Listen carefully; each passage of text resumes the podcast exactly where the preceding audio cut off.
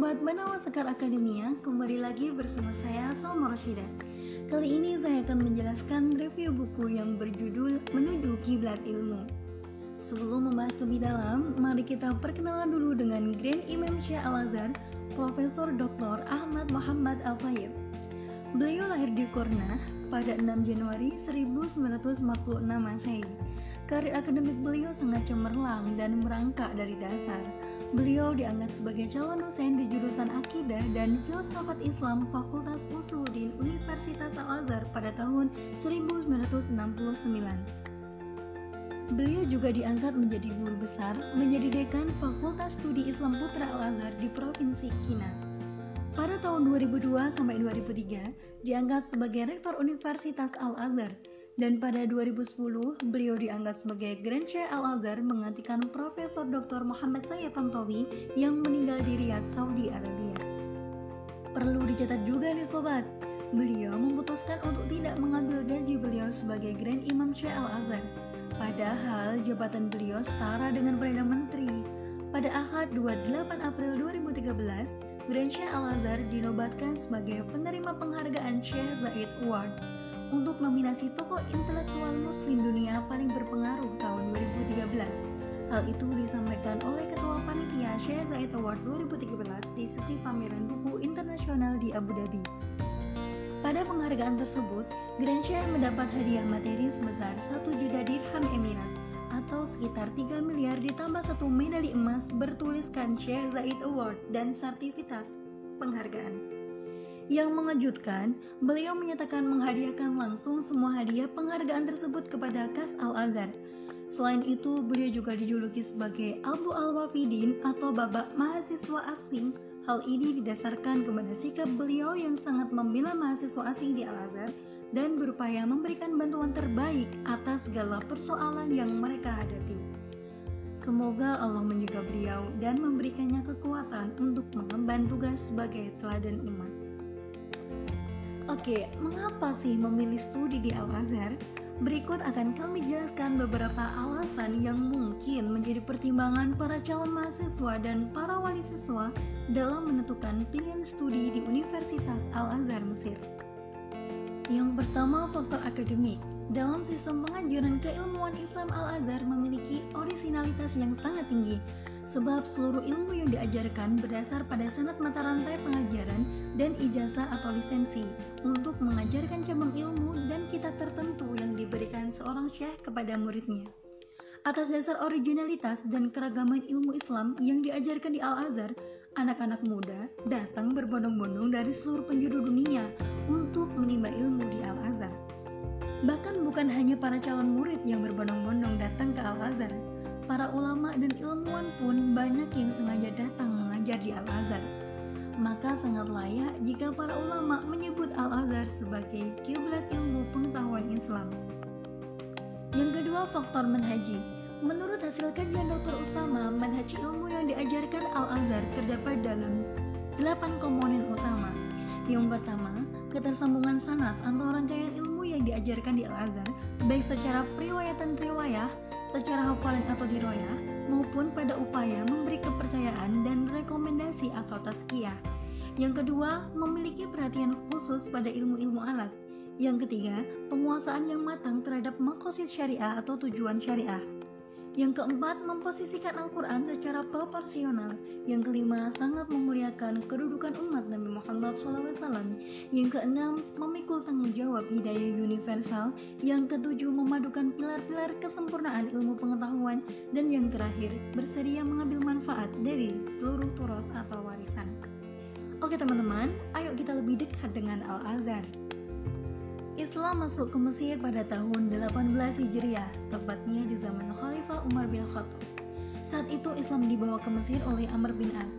Kemudian beliau mendirikan masjid yang sangat masyhur yakni Masjid Amr bin As. Dinasti Fatimiyah adalah sebuah kerajaan Syiah yang didirikan pertama kali oleh Ubaidillah al-Mahdi. Ia memerintah dinasti ini selama 25 tahun.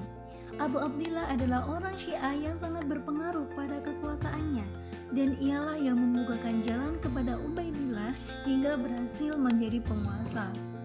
Sebab awal keberhasilan dinasti Fatimiyah untuk mempertahankan ilmu dan peradaban mereka, mendirikan Masjid Al-Azhar. Masjid Al-Azhar didirikan oleh Panglima Jawhar Al-Swikili atas perintah Khalifah Al-Mu'is Lidinillah. Masa kejayaan dinasti Fatimiyah berlangsung pada kepemimpinan Khalifah Al-Aziz Billah, putra Khalifah Al-Mu'is Lidinillah. Universitas Al-Azhar pada mulanya merupakan sebuah masjid megah yang bernama Al-Azhar. Masjid Al-Azhar merupakan salah satu karya gemilang yang dicapai oleh dinasti Fatimiyah saat memerintah di Mesir. Awal mulanya masjid ini dinamai Jami Al-Qahirah atau Masjid Agung Kairo. Bagian tengah Masjid Al-Azhar terbuka seperti Masjid Al-Haram di Makkah. Next, tahapan menjadi mahasiswa Al-Azhar. Apa saja sih yang harus dipersiapkan? Yang pertama ada tes kemampuan bahasa Arab. Yang kedua, persiapan mental dan material.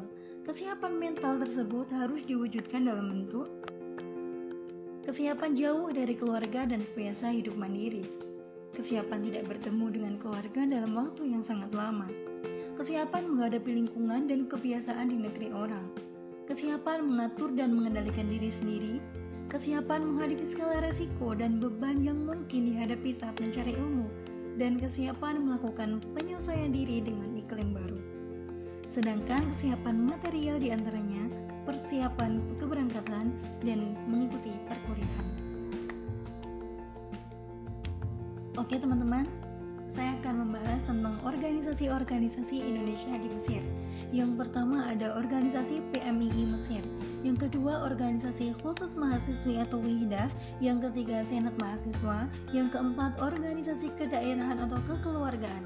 Di sini ada 17 organisasi di antaranya KSW, Kelompok Studi Wali Songo, sebagai wadah silaturahmi para pelajar dan mahasiswa yang berasal dari Yogyakarta dan Jawa Tengah. Yang kedua ada Agama Jatim, Keluarga Mahasiswa Jawa Timur, sebagai wadah silaturahmi para pelajar dan mahasiswa yang berasal dari Jawa Timur. Dan yang ketiga KMA, Keluarga Mahasiswa Aceh, sebagai wadah silaturahmi para pelajar dan mahasiswa yang berasal dari Aceh. Kemudian juga ada organisasi afiliatif organisasi kelompok studi dan kajian, dan organisasi alma mater. Oke teman-teman, itu tadi serba-serbi tentang Mesir dan kuliah di Mesir. Kali ini saya akan menceritakan kehidupan Ustaz Cecep Taufikur Rahman yang mengarang buku ini dari mulai beliau perdana kuliah di Mesir hingga lulus. Ustaz Cecep Taufikur Rahman melanjutkan S2 di Al-Azhar Kairo. Dalam jurusan beliau terdapat 16 mahasiswa, dan beliau belum sama sekali mengenal teman-temannya. Keesokan harinya, ia pergi ke Mesir. Kemudian ia menemukan teman yang bernama Khalaf dari provinsi Ashur. Di ujung pertemuan, ia meminta kepada teman-temannya untuk menyepakati agar selama perkuliahan mereka menggunakan bahasa Fusha, bukan bahasa Amiyah. Karena jika belajar bahasa Amiyah di luar kampus pun bisa, baik di pasar maupun di tempat keramaian yang lain. Akhirnya teman-temannya menyetujui saran itu. Dari beberapa nama dosen yang tercantum di jadwal perkuliahan, ada dua nama yang sudah Ustaz Cecep kenal. Yang pertama Profesor Dr. Ahmed Muhammad Toyib yang menjabat Grand Syah Al-Azhar dan yang kedua Muhammad Muhyiddin Sofi atau Prof Muhyiddin Sofi. Beliau mengampu mata kuliah Tauhid Ilmu Kalam. Bulan demi bulan masa ujian pun tiba pada bulan Juli dengan sangat baik, Ustaz Cecep mengikuti ujian tersebut dengan penuh optimis dan semangat. Setelah menempuh ujian dua minggu berturut-turut, keluarlah hasil ujian tersebut. Semakin dekat, ia melihat papan pengumuman. Namun, hatinya kecewa, sedih, dan tidak percaya karena ia belum lulus pada tahap ini. Hanya dua oranglah yang lulus pada ujian tulis. Setelah itu, ia berjuang lagi di daur asani atau gelombang kedua dan berguru dengan Profesor Mustafa Imron dengan belajar talaki di seberang Masjid Al-Azhar. Pada pertengahan bulan Agustus, mata ujian gelombang kedua sudah tiba. Sebagaimana biasanya, ujian berjalan dengan lancar, hanya saja waktunya lebih singkat sebab ujian dilaksanakan setiap hari, tidak seperti gelombang pertama. Pada bulan Oktober awal, hasil ujian tersebut telah diumumkan, tetapi hanya ada satu nama yang dinyatakan lulus, yaitu teman beliau yang berkeluarga negaraan Mesir. Ya Rabbi, tidak ada satupun orang asing yang lulus. Aku semakin kecewa, tetapi aku tidak pernah menyalahkan dosenku. Aku tetap merasa perjuangkan perjuanganku belum selesai dengan kebutuhan beban studi masih banyak waktu yang kurang optimal dan aku harus memperdalam pengetahuanku agar bisa lulus. Gumam Ustaz Cecep dalam hati. Hari demi hari, kawan beliau orang Mesir yang sudah bekerja sebagai khotib dan imam tetap di sebuah masjid di Kairo berkomentar. Wah, kalau Prof. Muhi dan Prof. Robi memang terkenal susah. Tidak ada mahasiswa yang lolos dalam ujian beliau. Jika ada yang lulus pada ujian tulis, ia akan jatuh pada saat ujian lisan. Apalagi kamu, Cep. Ketika Prof. Muhi itu memujimu, itu hanya menyenangkan hatimu saja, ungkapnya berapi-rapi. Mendengar kata itu, Ustaz Cecep seperti mendengar petir di siang hari. Beliau benar-benar terpukul dan serasa dijatuhkan dari langit tertinggi ke dasar sumur terdalam. Ia merasa lemas dan tidak ada semangat, bahkan meneteskan air mata. Ia sempat terpengaruh dengan kata-kata itu dan ia hanya bisa menjerit dalam hatinya. Ya Allah, seperti inikah yang akan aku alami ke depan? Mereka ini orang Mesir, mereka alumni S1 Al-Azhar, dan mereka dapat memahami seluruh materi yang dijelaskan dosen tanpa ada kendala yang berarti. Mereka juga sangat mengetahui karakter setiap dosen, tetapi mereka masih tidak bisa juga lulus ujian tulis. Lalu bagaimana dengan aku? Aku bukan orang Mesir, aku bukan alumni S1 Al-Azhar. Bagaimana mungkin aku dapat lebih hebat dari kawan-kawanku yang orang Mesir ini? Lalu siapa aku ini sampai berani kuliah di program S2 Al-Azhar yang sangat rumit dan berat ini? Bisiknya dalam hati sambil menahan air mata agar tidak keluar. Ia tidak tahu lagi harus bagaimana. Untung Ustaz Cece tidak tenggelam terlalu lama dalam perasaan itu. Ia segera bangkit kembali dan terus menata diri lebih baik. Ia semakin sadar bahwa di depannya hanya ada musuh berat dan perkasa, sedangkan di belakangnya ada lautan api. Pilihannya hanya dua, ia mundur dan terbakar api, atau ia harus maju mampu menjinakkan musuh perkasa itu. Secercah cahaya, beliau temukan saat berhaji di tengah kegalauan beliau menghadapi ujian S2 di Al-Azhar. Allah memberinya jalan baru pada tahun itu beliau lulus menjadi petugas haji di Saudi Arabia. Ia sangat bahagia. Bagaimana tidak? Ribuan mahasiswa Indonesia di Mesir mayoritas ingin menjadi petugas haji, tetapi Allah Subhanahu wa belum memberikan kesempatan itu kepada sebagian besar mereka. Kembali menjadi petugas haji, Ustadz Acep segera menyelesaikan diri dengan ritme perkuliahan dan segera menata ulang diri untuk kembali bertempur di medan ilmu Al-Azhar. Apalagi waktu itu, waktu ujian tinggal dua bulan lagi, ia memiliki semangat baru dan kemantapan spiritual baru. Ia memohon semoga jeritan di tanah suci dikabulkan oleh Allah. Ia menjadikan hari-harinya seperti sedang ujian, sehingga ia nyaris tidak pernah keluar rumah kecuali ia pergi ke kampus dan mencari tempat belajar di luar yang lebih nyaman. Tepat dini hari, hari Jumat, di Kairo, Mesir, setelah Ustaz Cep melakukan sholat subuh, teleponnya berdering. Ia segera mengangkat ternyata yang menelpon adalah pamannya. Cep, Bapak Cep, kamu yang sabar ya, Bapak kamu sudah meninggal.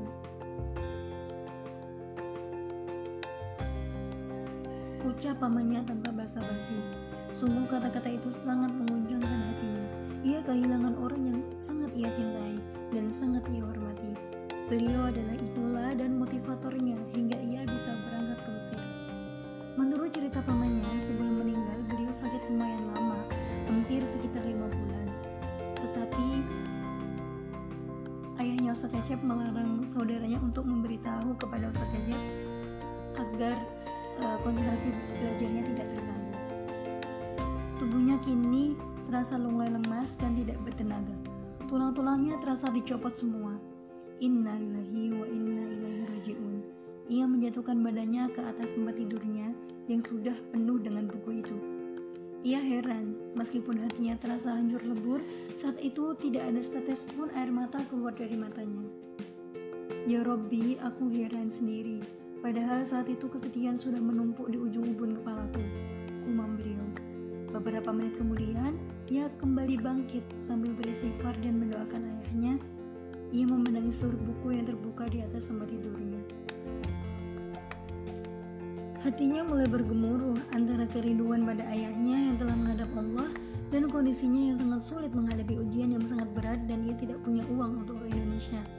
Ia segera menghubungi keluarganya di Indonesia. Ia meminta pandangan mereka apakah ia perlu pulang atau tidak. Ia sampaikan pada mereka bahwa ia sedang menghadapi ujian di Al-Azhar dan hanya tinggal satu minggu lagi. Sudah, kamu tidak usah pulang. Kamu persiapkan saja ujian sebaik mungkin agar kamu dapat naik tingkat. Jika kamu tetap pulang, maka kamu akan kehilangan dua hal. Yang pertama, kehilangan almarhum yang sudah tiada, dan kamu kehilangan Al-Azhar. Aku rasa di alam kubur nanti almarhum tidak akan senang melihat kamu gagal di Al-Azhar. Jawab kakaknya yang paling besar dengan penuh bijaksana. Sekarang serahkan soal almarhum kepada kami yang ada di Indonesia. Percayakan sesuatunya pada kami, insya Allah semuanya akan beres. Kemudian beliau juga minta izin pada ibunya. Pandangan ibunya pun sama dengan kakaknya. Ibunya tidak mau beliau kembali sebelum ia lulus ujian di Al-Azhar. Almarhum akan bangga padamu, Bukankah dulu bapak yang sangat mengizinkanmu agar kamu belajar di Al-Azhar?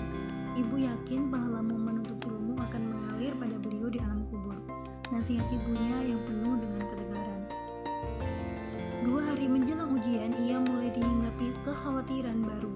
Ia takut nyangkut lagi di mata kuliah yang diampu oleh Prof. Muhyiddin Sofi.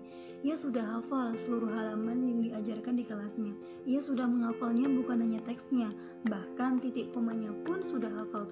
Tapi ia tetap masih belum yakin 100% jawabannya sesuai dengan keinginan Prof. Muhyiddin. Dua hari kemudian, ujian tahun akademik baru yang ditunggu-tunggu telah tiba. Ia telah mempersiapkan segala sesuatunya secara optimal. Di hari pertama, ia diuji mata kuliah Al-Quran. Di hari kedua, ia diuji mata kuliah Tauhid. Pelajaran yang lumayan mereka takuti benar saja soalnya yang diberikan pada mata kuliah Tauhid berjumlah tiga soal. Yang pertama soal dari Prof. Muhyiddin dan yang kedua dan dua soal yang lainnya dari Prof. Abdel Fadil. Soal nomor satu dan nomor dua bisa dijawab oleh beliau, tetapi soal nomor tiga belum pernah disampaikan Prof. Abdel Fadil dalam kuliahnya. Akhirnya beliau bersama-sama dengan temannya datang ke ruangan Prof. Abdul Fadil dan membicarakan hal tersebut jikalau soal nomor 3 belum pernah dijelaskan. Akhirnya Syekh Abdul Fadil akan mengajak kembali. Setelah itu, Prof. Abdul Fadil mengatakan kepada mereka bahwa mereka hanya wajib menjawab soal nomor 1 dan 2. Untuk soal nomor 3 tidak usah dijawab. Mereka pun mengucapkan Alhamdulillah dan berterima kasih kepada Yang Mulia Prof. Abdul Fadil yang telah memberikan keadilannya. Setelah keputusan itu, kami pun saling bersalaman sambil saling memberikan selamat satu sama lain. Sebab dengan dianulirnya, dianulirnya soal tersebut, mereka memiliki kesempatan untuk lulus. Beberapa hari kemudian, jadwal ujian lisan pun tiba. Saat itu ada lima orang mahasiswa yang berkumpul di depan ruang sidang senat fakultas, tempat mereka ujian lisan. Ustaz Cecep sudah bosan membaca naskah yang akan diujikan. Ia lebih banyak membaca doa di saat penting seperti itu. Ia sempatkan menelpon ibunya meminta doa restu, bahkan ia meminta ibunya mendoakan secara khusus di setiap sholat dan sujudnya. Beberapa menit lagi ia akan ujian lisan. Ia sudah mempersiapkan segala sesuatunya dengan baik. Kini hanya pertolongan Allah yang ia harapkan. Ia memohon doa kepada ibunya yang sangat tulus agar ia diberikan kemudahan oleh Allah Subhanahu wa. Saat itu ada lima profesor yang sudah menunggunya.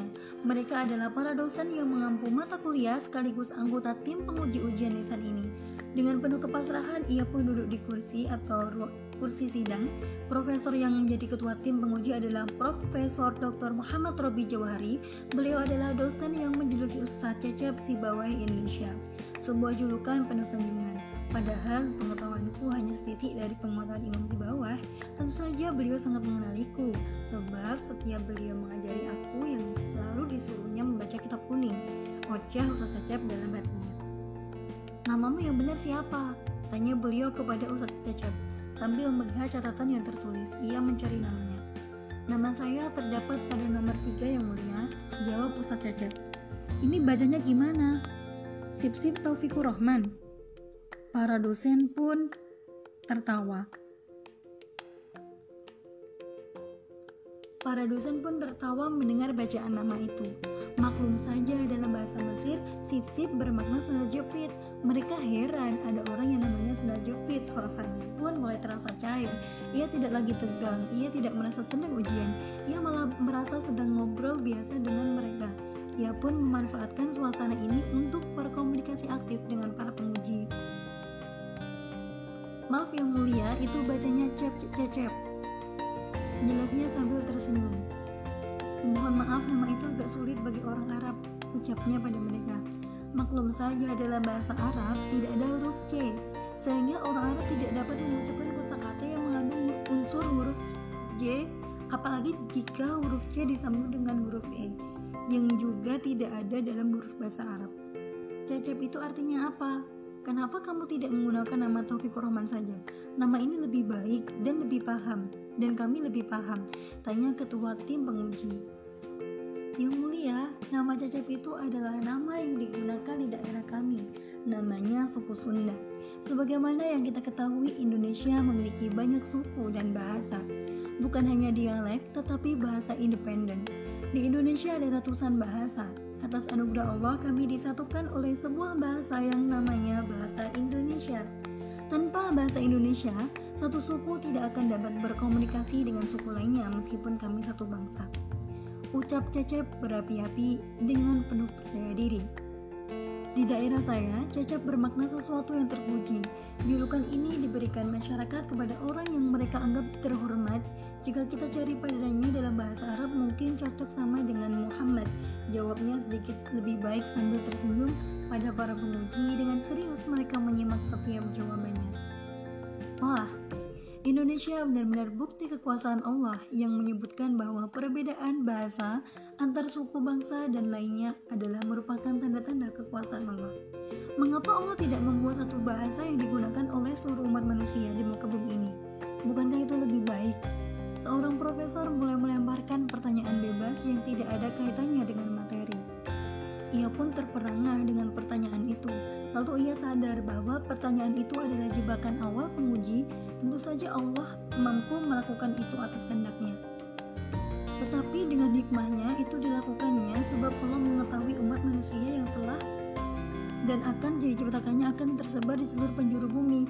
Titik setiap jengkal tanah yang diajak manusia, seperti air yang diminum manusia, setiap udara, yang dihirup manusia, dan setiap makanan yang dikonsumsi manusia di berbagai belahan dunia akan mempengaruhi karakter dan perilaku mereka. Dari seluruh lingkungan yang mengitari manusia akan melahirkan sebuah bahasa yang menjadi alat komunikasi masyarakat yang hidup pada lingkungan. Bukankah ada suatu benda di suatu kawasan, lalu di kawasan itu tercipta sebuah kosakata atau nama untuk menyebut benda itu? Tetapi di kawasan lain, benda itu tidak ada yang kosakata yang digunakan untuk menyebut kosakata. Contohnya, di Indonesia terdapat tumbuhan dinamai durian dinamai durian. Tumbuhan ini di negeri Arab tidak ada sehingga tidak ada kosakata untuk menamainya. Allah sangat mengetahui karakter alam dan manusia yang diciptakan untuknya, sehingga ia tidak menciptakan sebuah bahasa tertentu dan meniadakan bahasa lain. Inilah yang dalam yang ada di dalam buku Al-Muqaddimah oleh Ibnu Khaldun diistilahkan dengan Al-Insan Madaniyah Bittabai. Manusia itu terkait oleh lingkungannya. Jawabnya panjang lebar, tentu saja pertanyaan tadi tidak ada dalam salah satu mata kuliah yang mereka pelajari. Syatir, Syatir ya Cecep. Hebat, kata profesor tersebut mengomentari jawaban Ustaz Cecep. Ustaz Cecep juga dites hafalan. Yang wajib dihafal ada sekitar 10 soal hafalan. Dan semuanya Alhamdulillah berhasil beliau jawab dengan baik. Pertanyaan demi pertanyaan terus mengalir dari seluruh tim penguji secara bergantian. Ada yang sesuai dengan mata kuliah yang ia pelajari dan ada yang sama sekali di luar perkiraan. Satu persatu ia jawab semampunya dan ia merasakan kondisi ujian yang sangat cair dan seluruh kekhawatirannya sirna. Para penguji keluar dari ruangannya. Ustaz Cecep bersama teman-temannya menemui beliau dan bertanya mengenai hasil ujian mereka. Sambil tersenyum beliau menjawab, Betul Vicky insya Allah. Tapi kepastiannya akan kalian ketahui pada pengumuman resmi dua hari mendatang. Alfa mabruk lakum jami'an. Alfa mabruk lakum jami'an. Selamat buat kalian semua.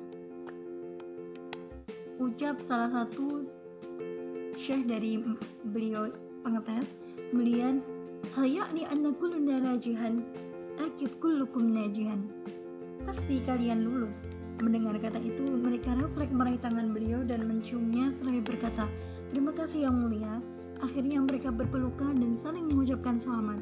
Tiada kata yang bisa mengungkapkan kebahagiaan mereka saat itu, kecuali sujud syukur bersama di musola kampus atas anugerah dan izin Allah, mereka mampu membuktikan kepada semesta bahwa mitos lulus kota di Al-Azhar adalah benar-benar tidak benar.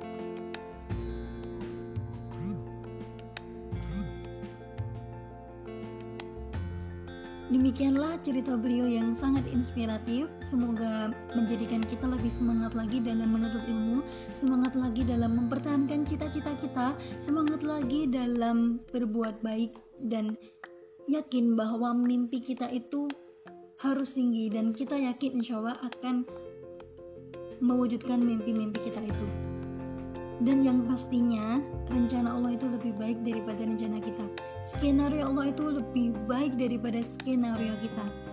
Yang penting kita harus yakin, ikhtiar, dan dekat dengan Allah, dekat dengan Rasulnya, dan dekat dengan orang-orang lain yang bisa mendoakan kita, terutama ibu kita, karena doa orang tua itu insya Allah langsung makbul dan diijabah sama Allah. Semoga kita bisa belajar dan kita bisa memetik hikmah di balik cerita yang beliau alami atau Ustaz Acep Taufik Rahman alami. Karena beliau itu seseorang yang sangat inspiratif dan ilmunya itu Masya Allah bahkan tadi salah satu profesornya itu mengucapkan beliau adalah si bawahnya Indonesia. Masya Allah Masya Allah Tabarakallah.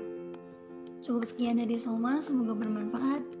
Dan sekarang tinggal kita mewujudkan semua mimpi kita Allahumma yasir wa la tu'asir Allahumma fa'na bima alamtana wa alimna ma yanfa'una ya Wassalamualaikum warahmatullahi wabarakatuh